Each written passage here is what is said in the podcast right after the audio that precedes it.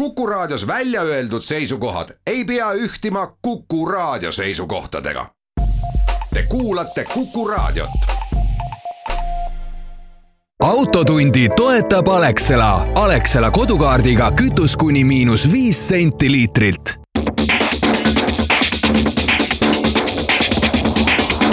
autotund. See on saade sulle, kui sul pole päris ükskõik, millise autoga sa sõidad. tere kuulajad, Autotund on eetris, stuudios Tarmo Tähepõld Autogeeniuse portaalist ja teiselt pool mikrofoni läbi arvutite on Martin Mets samuti Geeniuse portaalist. millest täna räägime? räägime täna sellest, et paljude inimeste tervisetõendid tähendab, ehk siis ka juhiload muutuvad kohe kehtetuks.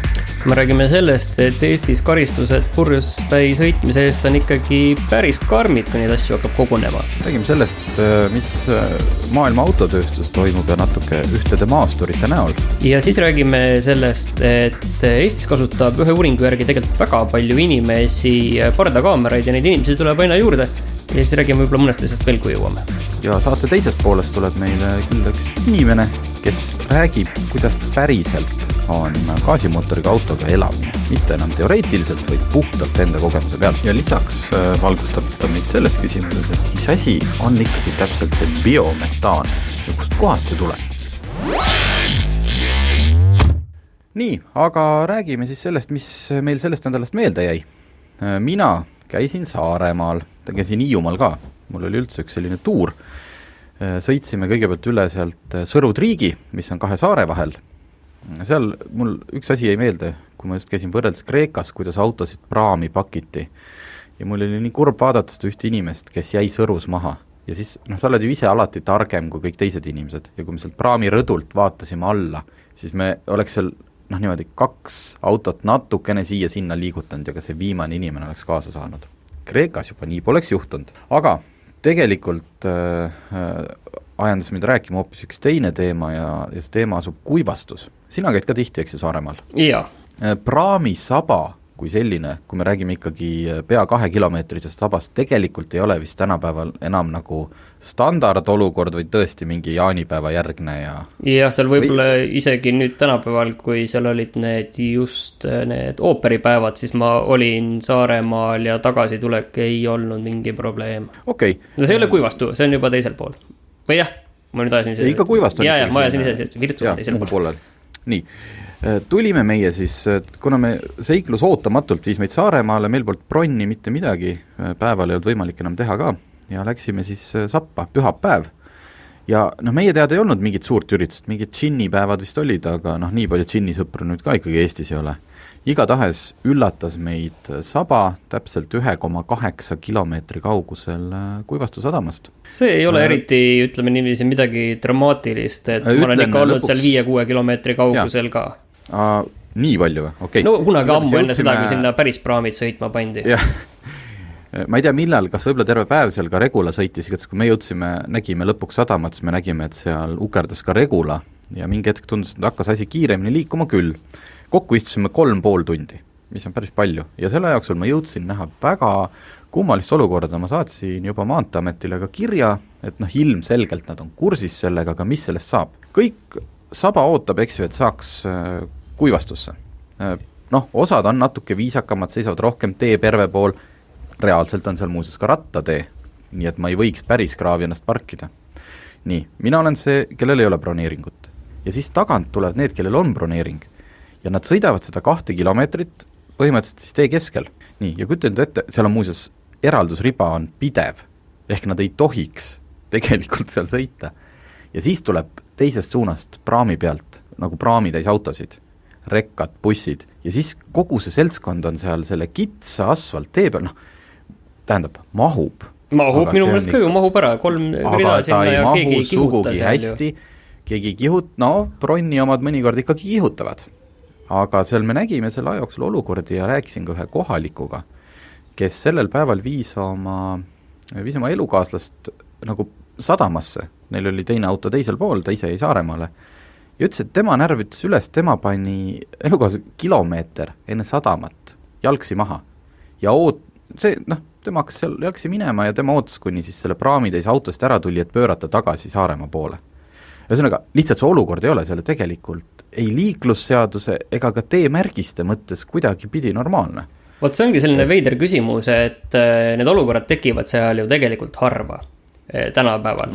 ja, ja et kas sellepärast, et mingitel hetkedel tekivad need olukorrad kas me siis peaksime seal Muhu pool selle tee nelja või Aga... kuuerealiseks ehitama, et see no, nagu Virtsu selline... pool, Virtsu pool on see tehtud, et ma ei tea, kas peame, see ongi nüüd selline äh, kohalikud on igatahes väga nagu, väga vihased selle peale, et nagu noh, seesama vana hea, et makse ju maksame, et tahaks elusalt nagu kuivastatud sadamasse jõuda, isegi kui ma praami peale ei lähe ja teine asi on siis seesama noh, autojuhtide käitumine, et ega ma ka ei tea, kuidas, kuna vahepeal keegi jalutas meist jälle sinna kohvikusse sööma, siis keegi teine liigutas meie autot, et noh, ma võiks ju parkida viisakalt ikkagi täitsa teepervele.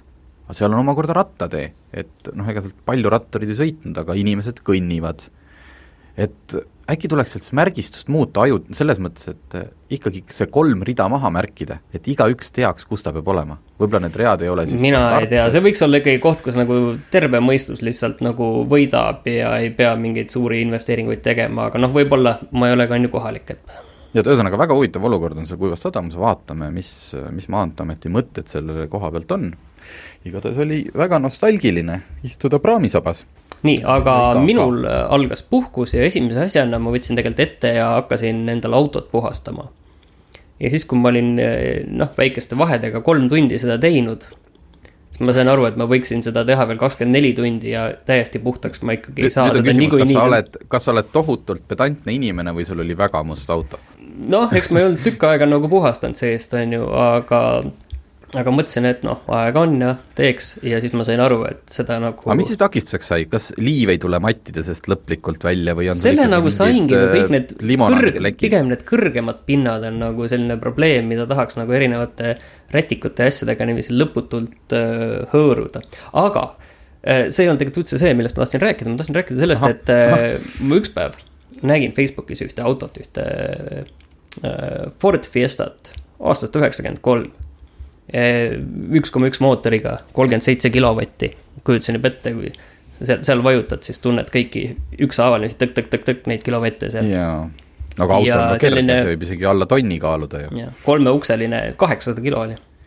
et tundus juba selline nii äge hobiauto ja, ja esialgu nagu tundus, et nagu täitsa okei okay,, et kir-, kirjas oli. ma, ma korraks hästi kiiresti ütlen, mis, mis, mis hobiga see siis nagu seostuks, et kas see oleks siis sul äh, ma ei tea, õpetaksid lastele sõitmist või sa käiksid sellega Fordi omanike kokkutulekutel? ei, ei, neil või... kokkutulekutel ma ei tahaks käia, ma käiks poes sellega või kalal või umbes niiviisi.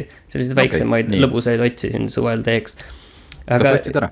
ei ostnud, hind oli viissada, sain veel neljasaja viiekümne peale ja siis palusin veel pilte, et enne kui äh, päris järele minna natukene detailidest ja siis kui ma nägin, et Eesti ajalooga ja tõesti väikse läbisõiduga. jaa, alla saja tuhande okay.. ja siis äh, see üks tagakoobas oli nii roostes ikka, et ma ei olnud selleks valmis nagu, lihtsalt. lihtsalt see äh, äh, tagatiib või see, mis ratta kohal on nagu see. jaa, seal nagu niiviisi mullitas ikka.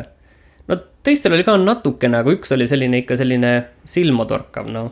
no ma ei tea, see on niisugune lihtne töö ju, kohalik sul seal mingi töökoja mees keevitab selle. jaa, aga ma sain aru, et ma ei ole selleks valmis, vähemalt mitte veel täna, et mulle tundus see nagu, nagu paar päeva mul keris see peas ja see tundus nagu nii hea mõte, aga siis ma sain aru, et see hobiauto pidamine, see on ikka selline ei no üks on hobiauto, teine on küsimus selles, et ma olen sinuga paar korda elus vestelnud, et tegelikult teil oleks peres ühte niisugust või siis teist nii-öelda hädaabisõidukit vaja, eks ju. No,? et aeg-ajalt on olukord, kus võiks midagi hoovis seista, nii ja nüüd sa oled siis ka seda tüüpi mees, kes tahab viiesaja euro eest uueväärset autot, jah mm -hmm.? noh, kas just päris, aga ma saan aru, et mõnes mõttes sul on õigus jah, et äh, okei okay,, jah, aga tuleme varsti tagasi ja, ja räägime siis päris uudistest.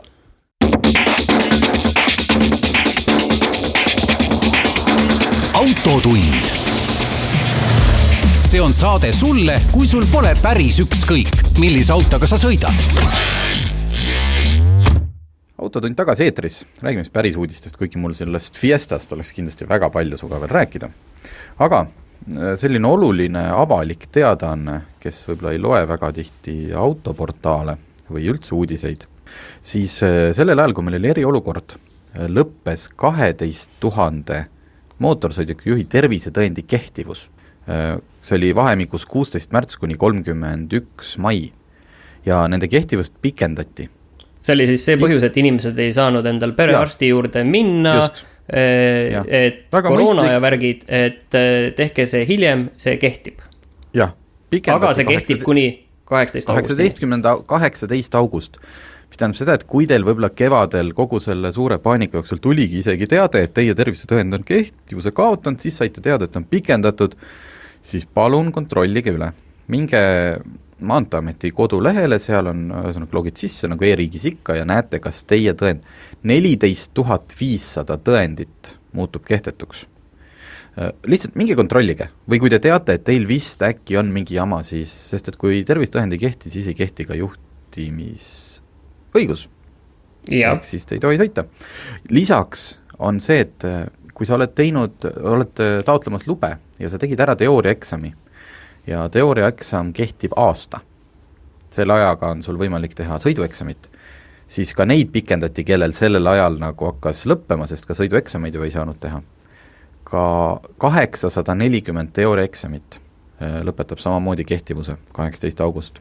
Aga kas selle teadmisega on ka midagi lihtsalt tuleb teadmiseks võtta või on sellega ka midagi ei, teha, sellepärast on... et ma kujutan ette, et august on meil siin käes ja kui sa praegu ei ole juba seda aega kirja pannud, siis võimalus sinna. ei, ma arvan, et sa võta Maanteeametiga ühendust, kindlasti seal äh, mingi võimalus ikkagi on, et sul noh, et sa oled huvi üles näidanud, et sa näiteks, et sa oled juba registreerunud.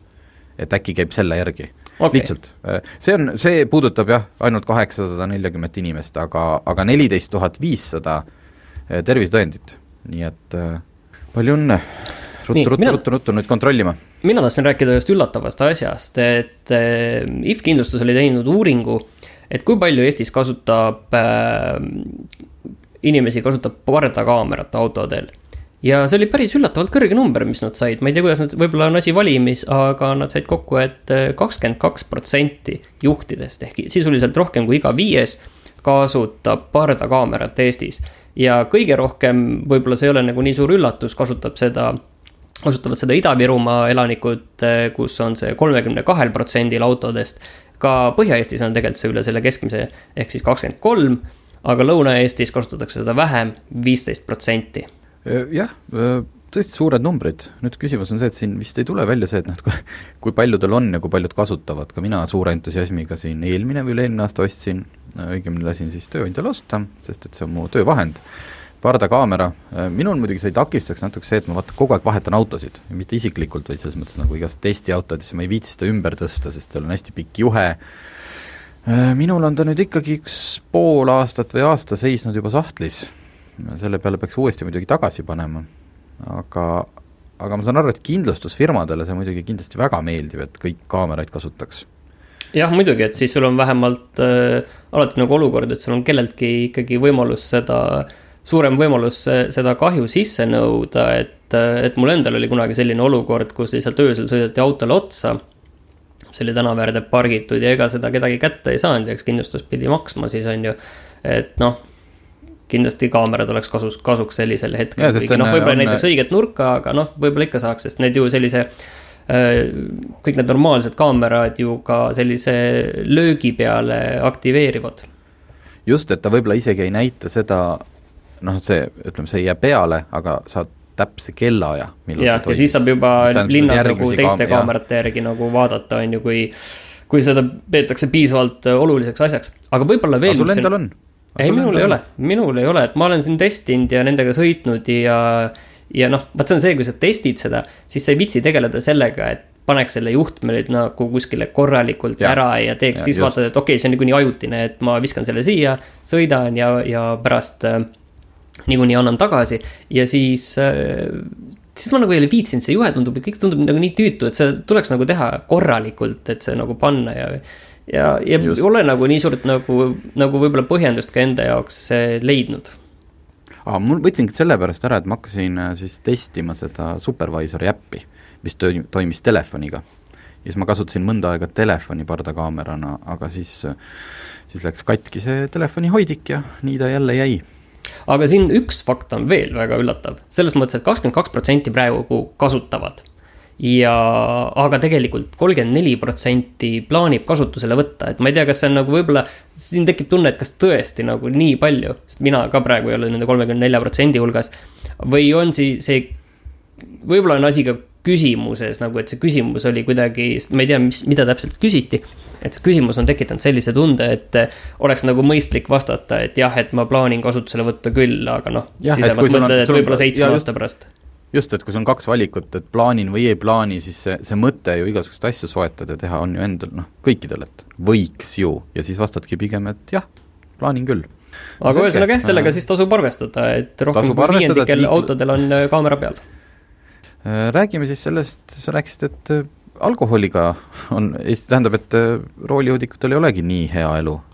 Kuigi mul ei olegi seda muljet jäänud, aga no selles mõttes, et siin oli lihtsalt üks vahepeal üks selline mm, silmapaistev juhtum, kus äh, Ida-Virumaal äh, üks mees peeti kinni, tal ei olnud juhiluba tal ja ta oli ähm, joobes ning äh, noh, nagu ikka, valguses arestimajja, aga siis ka konkreetselt pandi neljaks aastaks reaalselt vangi.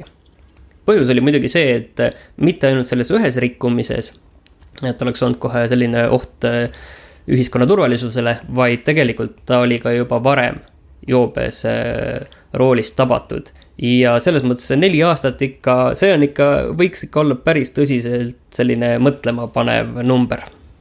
ja see on, issand, selle, sellest on ikkagi tulevikus väga raske välja rabeleda, et noh, kui sa räägid, et sul võib-olla, ma ei tea, üks arestimaja on all mingil põhjusel kiirustasid, no ühesõnaga, ei õigusta jah, et ühesõnaga tal ei juhtunud mingit õnnetust, et, et ta ei ja. põhjustanud mingit õnnetust ega midagi. aga selles mõttes, et äh, minu meelest tihtipeale Eesti Vabariigis saab ka selliste äh, päris ränkade isikuvastaste kuritegude eest äh, saab ikkagi vähem kui neli aastat vangistust. jah, nii et äkki siis tehti temast õppetund teistele ja, ja ta ise ei olnud ka väga vastu sellele, äkki tahtiski, küsiski seda, ma ei tea. no ma millegipärast kahtlen selles. päris sellist autouudist ka siia lõppu veel, et äh, nüüd on hakanud siis äh, kõik autofirmad oma esimese poolaasta tulemusi välja tooma, pilt on must, aga see on selles mõttes, noh, see ei ole nagu uudis, sest et nüüd hakkab raamatupidamises kajastuma see, mis siin kevadel toimus ja, ja sellel väga pikalt ei peatukski. küll aga noh, seda, vaatad seda autotööstuse suunda eh,, sama Ford Bronco, millest ma olen rääkinud juba kaks saadet tema tellimustest, siis nüüd nädal hiljem on taas antud välja numbreid, need ei ole nüüd enam see first edition auto, vaid üldiselt kui palju on Ford Broncot tellitud. kes ei tea, see on niisugune Jeep Wrangleri ja Land Rover Defenderi moodi niisugune noh, päris maastur, aga ühtlasi ka elustiiliauto ja näeb äge välja ja ühesõnaga, on umbes kakssada tuhat autot tellitud ette, see on selline täiesti Tesla mõõtu number juba, Tesla on tavaliselt siin äh, ülbitseb oma nende eeltellimustega. Broncot äh, saab hakata sügisest ostma või aasta lõpust, aga, aga see näitab seda, et noh, sellist elustiili autot tahetakse juba kakssada tuhat tükki. Ja, ja sellega seoses on näiteks Defenderil, Land Roveril on väike probleem, see puudutab sedasama viirust, et ka Defecat tahetakse osta. aga Defenderi, Defenderi laoseis ja tootmisarv on praegu päris halvas seisus, sest et äh, viirus. ei ole neid tehaseid ja asju ikkagi nii hästi käima saanud, ilmselt üks asi on omad tarneahelad, millest me rääkinud oleme aga kui vaadata sellist üldpilti, et noh, tasuks siis igal autofirmal hakata vist tootma elustiilimaastureid. ma ei tea no,, midagi nendes on. tundub, et töötab. tundub, et töötab jah, et võtad oma kõige, kõige maastikuvõimalik, aga siin ongi vist oluline see, et ta peab olema päriselt ikkagi maastikuauto ka. et siin on natuke see punkt, nii Wrangleril, Broncol kui Defenderil, et nende ette ei panda sõna linnamaastur, kuigi nendega enamjaolt sõidetakse linnas. teeme siia väikese pausi ja siis oleme juba koos saatekülalisega tagasi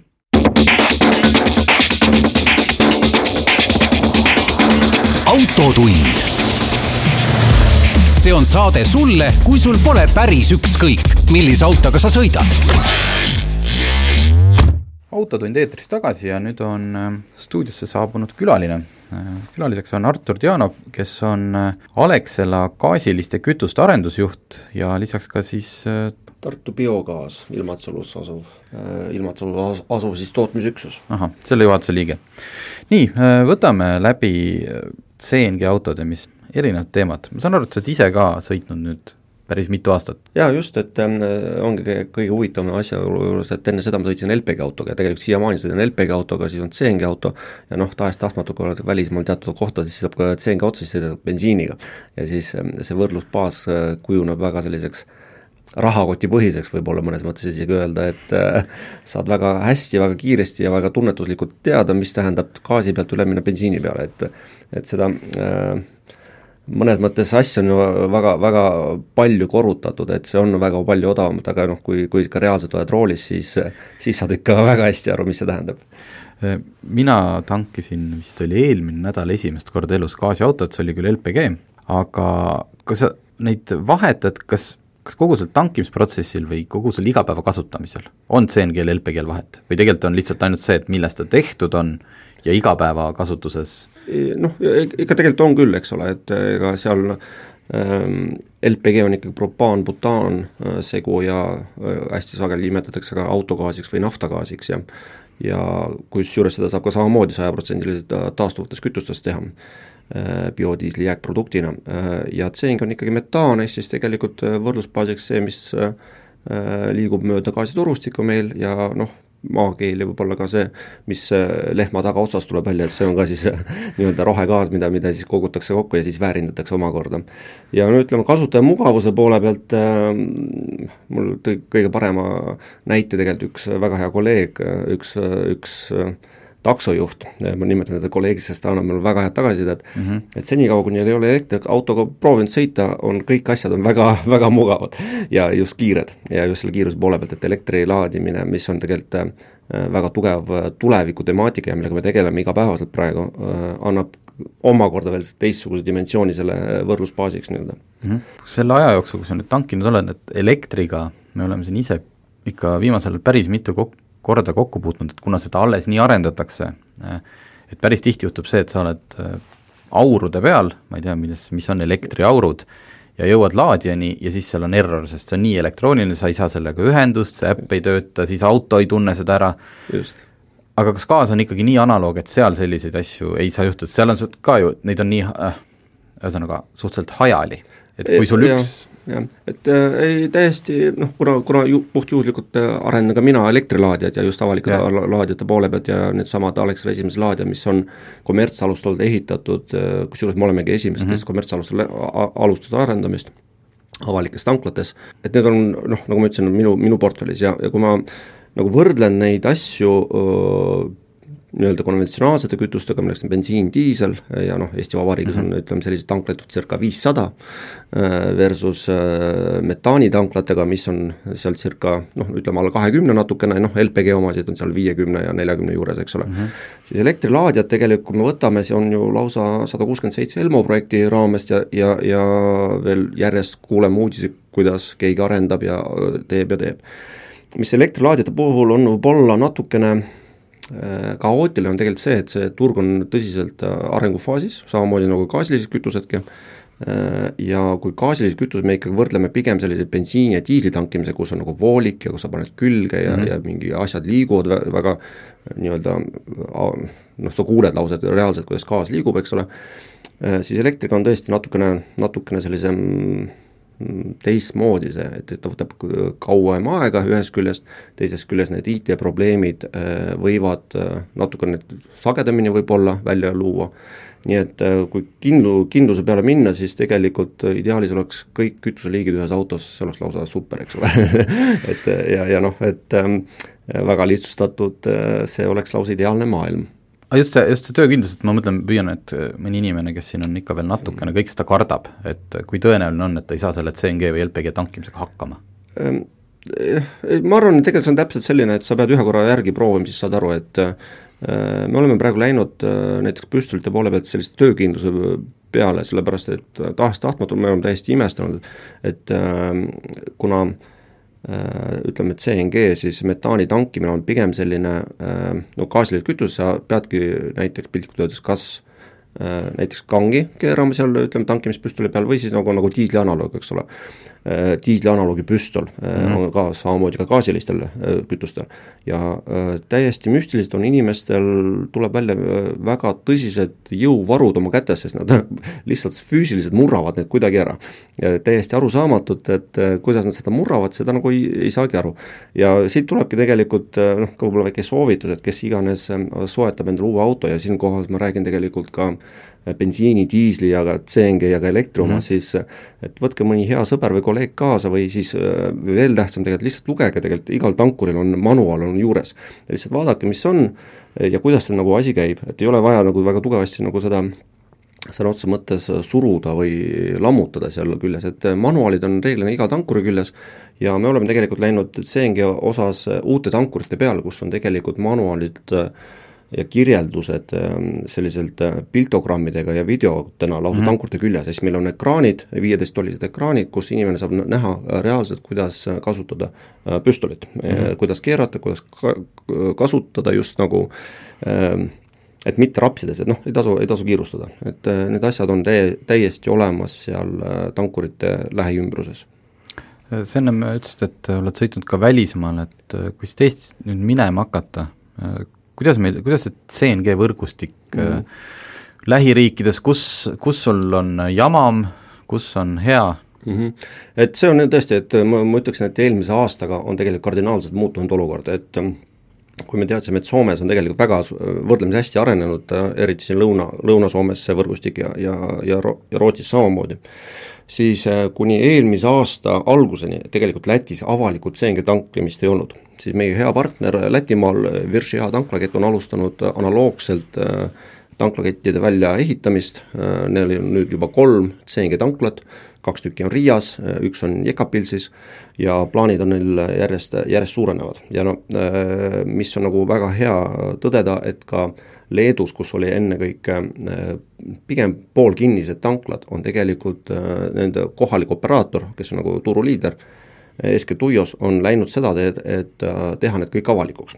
ehk siis bussidepoode juures, kus oli teatud aktsiisisoodustus nii-öelda bussidele, et kasutada mm -hmm. metaani või on, on mindud seda teed siis, et hakatakse järjest tegema avalikke tankureid, avalikke tankimisi ja tegelikult ka reklaamitakse ning ka ehitatakse juurde. ehk siis tegelikult äh, kogu selle võtmesõna on tegelikult aktsiisipoliitika, mis on te-, on tegelikult muutumas ka Lätis ja Leedus mm. -hmm. Oled sa pikaajaliselt ka arvestust pidanud, ma olen kuulnud või noh, ühesõnaga endal sõbral on äh, Octavia CNG mm, -hmm. räägib tõesti sellist, et ta töötab noh, maanteesõitu teeb palju, et niisugune kolm eurot kilomeeter see on täiesti reaalne, see on isegi, isegi see on nagu tähendab, mitte kolm eurot kilomeeter, vabandust, kolm eurot saja kilomeetri ja, kohta, kes nüüd siin hinge, kohvi kurku tõmbas siis jah? Ja., saja kilomeetri kohta. Et mina käin Tartus, äh, kuna meil Tartu vahet on ikka sõitmist ja siis Kart-, Tartus ma käin natukene alla kümne euroga ära Tallinnast, Tallinn-Tartu, edasi-tagasi alla kümne euro, nii et noh, arvestades robustselt see tulebki umbes äh, niimoodi. Ja see on nagu reaalne. Ja ma sõidan nii, nagu peab, ütleme siis niimoodi. Oskad sa öelda, palju selline elektriauto kulul oleks, ma, no elektriauto on nii raske, sest kellel ja. on kodus mis pakett, aga no elektriauto suur erisus tekib võib-olla see, et kui sa saad äh, tõesti seda äh, kodus öö läbi äh, nimetame seda tankimiseks või laadida. Yeah.. et see, kui sa saad rahulikult öö läbi laadida, siis on ta, on ta tõesti soodne, ta on analoogne. Äh, soetushinnad on muidugi elektriautodel veel teine, tunduvalt jah. teisest äh, klassist, vaatame, kuidas riik reageerib nendele äh, toetusskeemidele. aga seesama, see Tartu näide, et kui palju, mitme euroga? näiteks jah, ütleme meil on, kui me võtame väga, väga robustselt öeldes, meil on Paia ristis on ja. kaks laadijat, üks on viiekümne kilovatine, üks on saja kuuekümne kilovatine laadija ja sealt äh, tankides, ütleme kiir, ultrakiires mm -hmm. laadijas, siis tegelikult see oleneb autost ja nii edasi, tegelikult hinnakulu tuleb umbes nelja-viie euro vahel nii et kui me võrdleme tegelikult sellist äh, avalikust tanklas laadimist mm, -hmm. noh, ma võin isegi seda öelda, et meil ultrakiire laadimise hind on seal circa mis see oli, kolmkümmend kuus senti kilovati eest, Euroopas on teatud kohtades isegi seal viiskümmend, kuuskümmend, seitsekümmend senti äh, kilovati eest, noh tegelikult avalikus äh, tankimises korras ei ole see võib-olla alati kõige äh,, kõige soodsam, kuid jällegi tuleb meeles pidada seda, et äh, äh, tankla ei ole ainult äh, tankimine enam, et ta on ikkagi koht, kuhu inimene tuleb, võib-olla sirutab jalga, läheb, võtab võib-olla väikse joogi ja, ja noh, tegelikult on midagi muud, kui lihtsalt vanasti oli tank, tankimine. et see jah, paljudele võib tulla uudisena, mulle mingi hetk noh, ma ei olnud lihtsalt sellele mõelnud, et seesama, et kui sa ostad elektriauto ja kavatsedki jääda avalike tanki või nende mm. laadimispunktide peale, siis sa võid jah, päris kurva üllatuse saada, et ta on küll soodne sõita, aga mitte nii soodne, kui kuskil räägitakse. sest et see tõeline rahaline kokkuhoid tuleb ikkagi kodu laadimisest. no antud hetkel jah, pigem, pigem on see, see põhiefekt tuleb sealt ja, ja kui me jah, ütleme, ei saa öelda, et, äh, et see päris nii mustvalge muidugi on, on ju, eks väga palju on see seotud auto konkreetsest isendist ja nii edasi mm, -hmm. nii edasi, äh, aga ütleme, vaadates seda, äh, kui sa tõesti sõidad palju, siis tegelikult on, on vaja lihtsalt läbi mõelda, mis need alternatiivid on ja, ja siis ka noh, rahanumbrid sinna kõrvale panna. teeme siia väikse pausi ja siis räägime natukene biometaanist.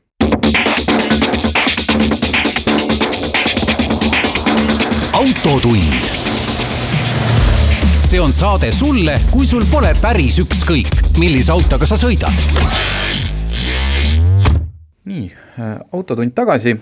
Äh, stuudios on Artur Dianov, kes äh, räägib või aitab mul ja kõigil teistel ka aru saada, et mis asi on see müstiline biometaan siis, et kas on olemas ka ütleme siis, mitte biometaan no, no tegelikult see, ongi sama, tavaline gaas, eks ju? tavaline gaas, ehk siis see, see torugaas, mis on, mida me oleme tavaliselt harjunud, on nii-öelda kuskilt maapõuest tulnud, see on see fossiilne metaan, nimetame, ja siis biometaan või nimetatakse ka rohegaasiks või rohemetaaniks või rohebiometaaniks, et neid nimesid, noh, heal lapsel mitu nime, mis see nagu, mis, mis see nagu sisu on tegelikult, on tegelikult see, et äh, biometaan ja metaan äh, erinevad ainult selle päritolu poole pealt mm, -hmm. ehk siis tegelikult keemiline, füüsilised omadused on täpselt üks-ühele.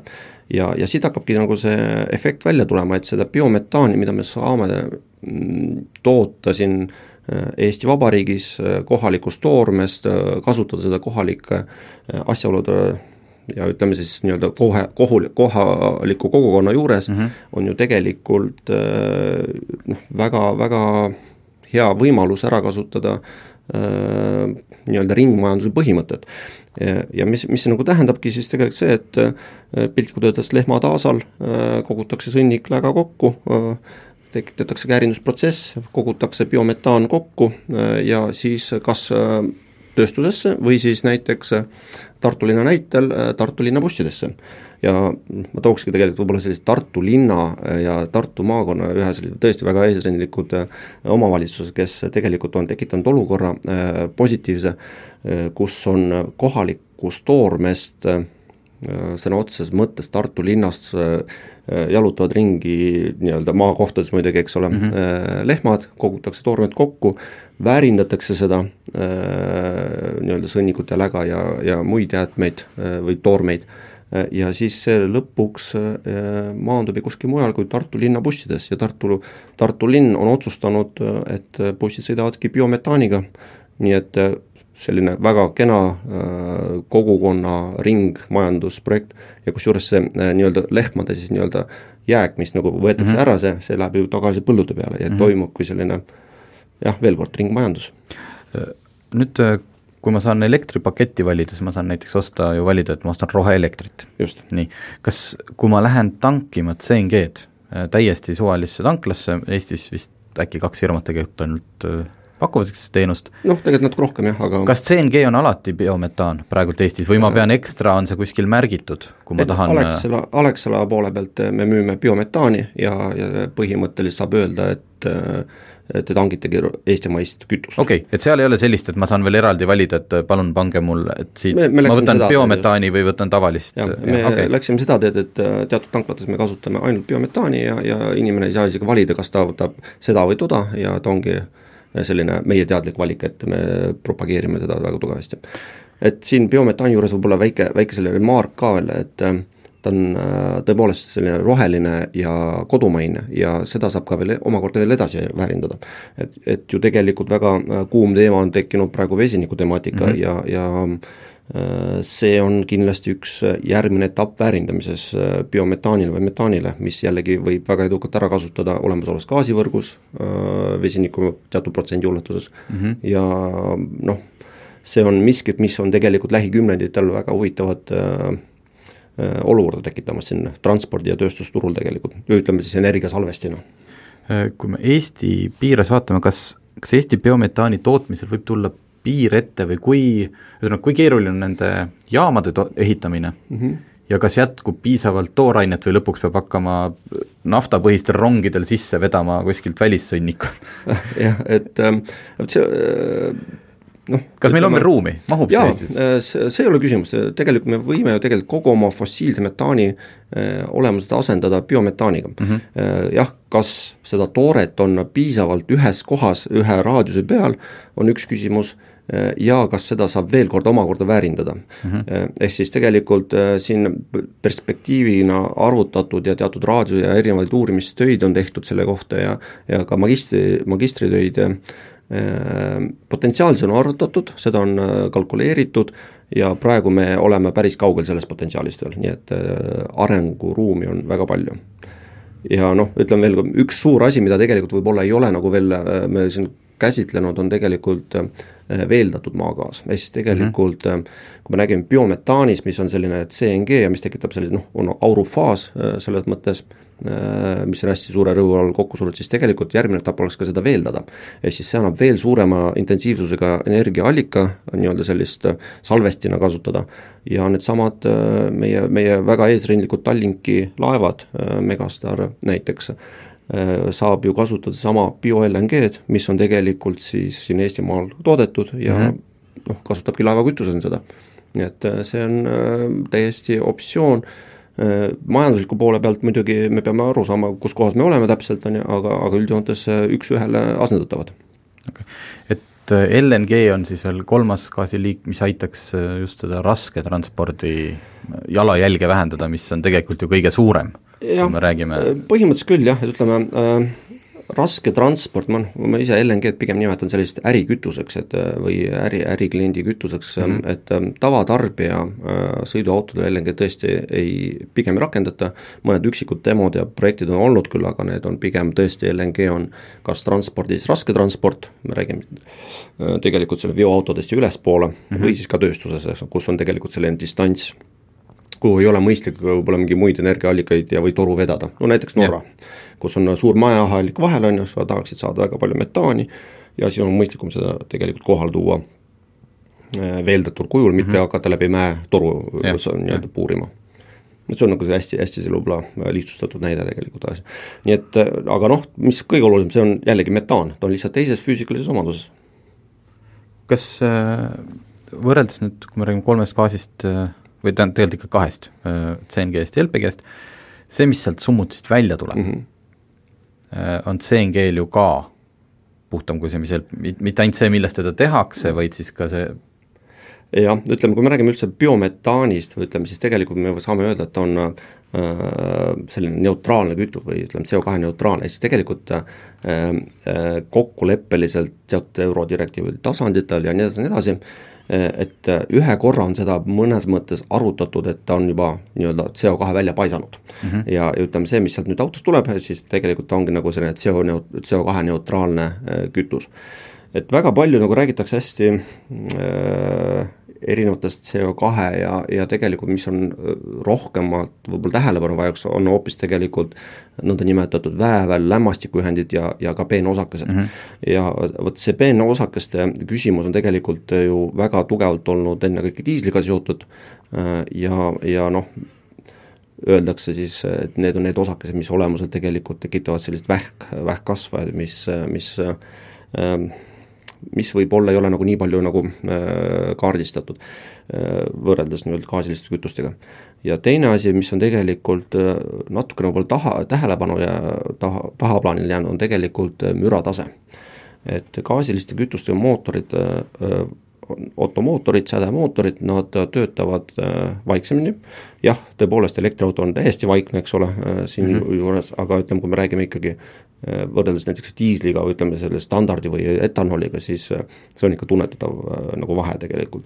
ja noh, see, seda mürataseme poolt on tegelikult tõepoolest Eestis seda ei tunnetata nii väga, aga noh, suurlinnades Euroopas on see ikkagi väga tõsine probleem. nii, meil kohe on saateaeg läbi, uurin, et kas, kuna sa ise seal maailmas oled, et kas ka nendel CNG mootoritel on äh, mingid sellised äh, praegult arenguetapp või faas, kas see kolm eurot saja kilomeetri kohta võiks veel väiksemaks minna? noh, ma jällegi võrdleks seda hoopis teise nurga alt, et äh, me ei saa võrrelda ühte mootorit teised, me ei saa võrrelda näiteks elektrimootorit korraliku mm -hmm. Ameerika mootoriga, et me, kui me lähme ikka kilovatipõhisele arvestusele, et et mootor kilovatt versus kulutatud kulu, et äh, muidugi saab, et saab ka alustada, ütleme ka kunagi me tegelesime väga aktiivselt äh, hübriidmootorid, ehk siis tegelikult gaasimootor, mis on hübriid äh, äh põhimõtteliselt hübriidpõhimõttega, noh, nagu meil eesrindlikumad siin, mitte eesrindlikud, aga siis lipulaevad on nagu Lexus ja Toyota korporatsioonid, kus on yeah. hübriid ja sama asi ju tegelikult võib ju mitte bensiini kasutada, vaid gaasi kasutada, seal see toob jällegi omakorda sellist äh, asja alla äh, kuid ma arvan tegelikult, et see äh, gaasiliste kütuste tegelikult võidukäik ei ole võib-olla mitte elektriauto, elektriautode vastu võidelda, et see yeah., et see nagu arvatavasti on, on ma arvan, igalühel selge, et elektriautod tulevad, äh, me kindlasti toetame seda tulekut, äh, see meid kindlasti huvitab, raske transport on tegelikult see, kus on mm -hmm. tegelikult see potentsiaal asendada diisel gaasiliste kütuste peale. et võrrelda seda raske transpordiveokit, kus me paneme akupangad või siis muu tehnoloogilise revolutsiooniga, mida me võib-olla praegu ei kasuta veel, et me kaotame ikka tonnide viisi seda tegelikult, kuidas öeldagi, kandevõimet ja pluss veel noh, rääkimata mm -hmm. Laadimise aegadesse ja nii edasi, nii edasi. ja siis tegelikult siin gaasilistes kütustes see avastamata potentsiaal on ennekõike äh, raske transpordi äh, nii-öelda potentsiaal. selge, aga ongi saateaeg otsas ja suur tänu, et meid harisid, aitäh! aitäh!